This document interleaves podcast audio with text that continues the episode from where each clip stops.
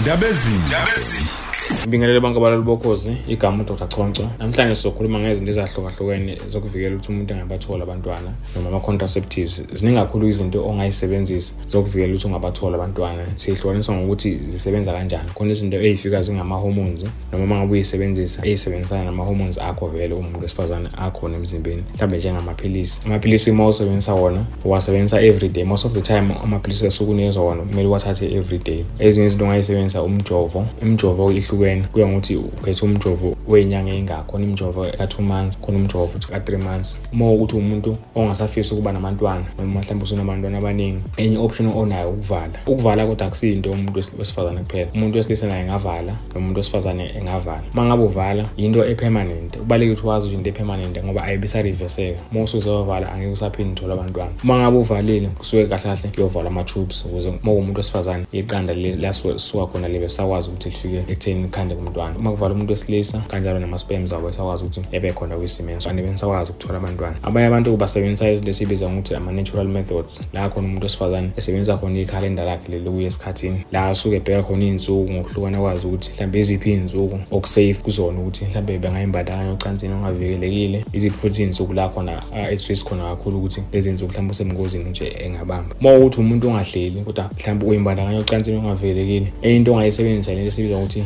i-emergency contraception la khona kuya ngokuthi insuku engakanani-ke seyidlulile mhlawumbe after uyimbandakanya ocansini. Yenzeka mhlawumbe if it's after three days noma it's within three days ungakwazi ukusebenzisa iphilisi but uma seku-beyond three days into ongayenza mhlawumbe ukufaka iluphu ukuvikela ukuthi ingane ingakwazi ukuhlala laphana esibelethweni. So amanye ama-contraceptives noma ezinye iy'ndlela zokuvikela ukuthola umntwana esiyibiza ngokuthi ama-long acting yilezi zinto lezi ongayithathi every day. Akufani nephilisi ngoba iphilisi lona kumele uthathe every day iphilisi. Uma ulikhohlwa iphilisi zikhona futhi iy'nkinga ey'hambisana nokuthi uma ukhohlwa iphilisi yini omele uyenze ukuvikela ukuthi ungakhulelwa ama-long acting contraceptives ilawa ongawathathi every day. Like njengomjovo i-implant noma ukufaka iluphu namhlanje kodwa ngizokhuluma kakhulu ngomjovo umjovo kuphela. Lezi ezinye izinto ey'khona ezingama-long acting sizokhuluma ngazo ngeviki elilandelayo. Imijovo-ke ihlukene kabili. Khona imjovo lo ka-three months nomjovo ka-two months. Umjovo lo ka-three months ojwayelekile abantu bayawazi ubizwa kuthiwa idep abantu babiza ngokuthi i-petogen kwesinye isikhathi abantu abaningi bajwayele ukusebenzisa kakhulu uma ukuthi umuntu uqeda kudeda ojwayele ukunikezwa lowo bantu laba noma mhlawumbe maqeda ukuchithelwa yisisu ujwayele ukunikezwa lowo bantu laba. Noma uma ngabe kubhekwa mhlawumbe ama-risks akho ukuthi ngeke ukwazi ukusebenzisa izinto ey'ngama-hormone ngoba amaphilisi anama-side effects amaningi. Sometimes uma ngabe usebenzisa amaphilisi kuyenzeka mhlawumbe ube at risk of ukuthola ezinye izifo mhlawumbe. So uma sibheke ukuthi u-at risk ukuthola lezo zinto lezo sometimes sirecommend usebenzise umjovo.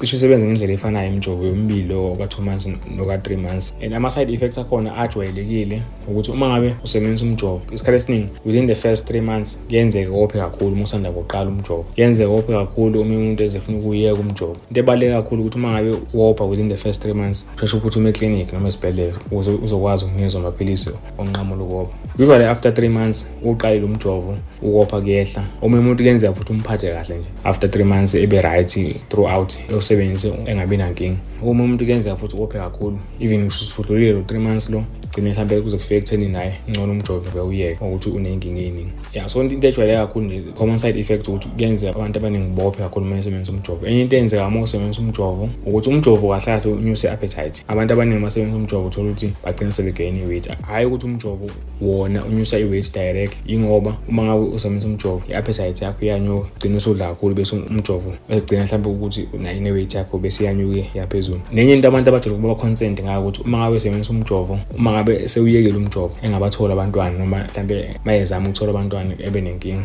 Umjovo lo wa-three months it takes about nine months ukuthi ubuyele kahle ube fertile. Kodwa lokho akusho ukuthi within nine months uyekile umjovo angeke uze ukhulelwe. Because abanye abantu kuyenzeka ukuthi umuntu uzokhulelwa while esebenzisa umjovo because awukho 100% protective umjovo. Njengawo wonke ama-contraceptive lawa amanye ukuthi awasiwona 100% so kuyenzeka uma umuntu ekhulelwe while esebenzisa umjovo noma umuntu engakhulelwa futhi immediately oyekile but uma ukuthi still awumtholi umntwana. Kuthatha at least nine months ukuthi ube fully fertile kahle ubuyele lesimo okusona before usebenzisa umjovo. Uma ukuthi kuyenzeka ubathola abantwana then mhlawumbe umuntu angazaqala mhlawumbe ukuba consent after usuphelile nine months. Lo munye umjovo nawo oka-two months esibizwa ngokuthi inari noma ina-esterate isebenza ngendlela ecishe ifana kodwa wona it takes about seven months-ke ukuthi usheshe ubuyele kahle kwi-fertility yakho. Nawo futhi kuyenzeka ukhulele usebenzisa umjovo. So kubalulekile ukuthi uma ngabe usebenzisa lezi zinto zokuhlela enye into esiyirekhomendayo into esibizwa ngokuthi i-dual contraception ukuthi uma ukuthi ufuna ukwenza sure ukuthi lo muntu enisuke nimbandakanye nawo ocansini animtholi umntwana umuntu wesilisa angasebenzisa ikhondom yena while wena usebenzisa umjovo ukuze nizokwenza sure ukuthi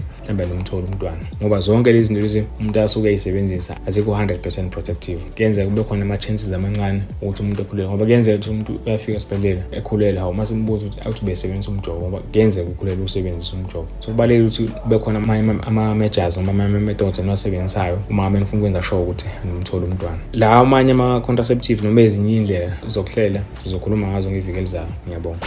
Ndabezinhle njalo ngesonto kusukela ngo-12 kuya ku-3 ekuseni.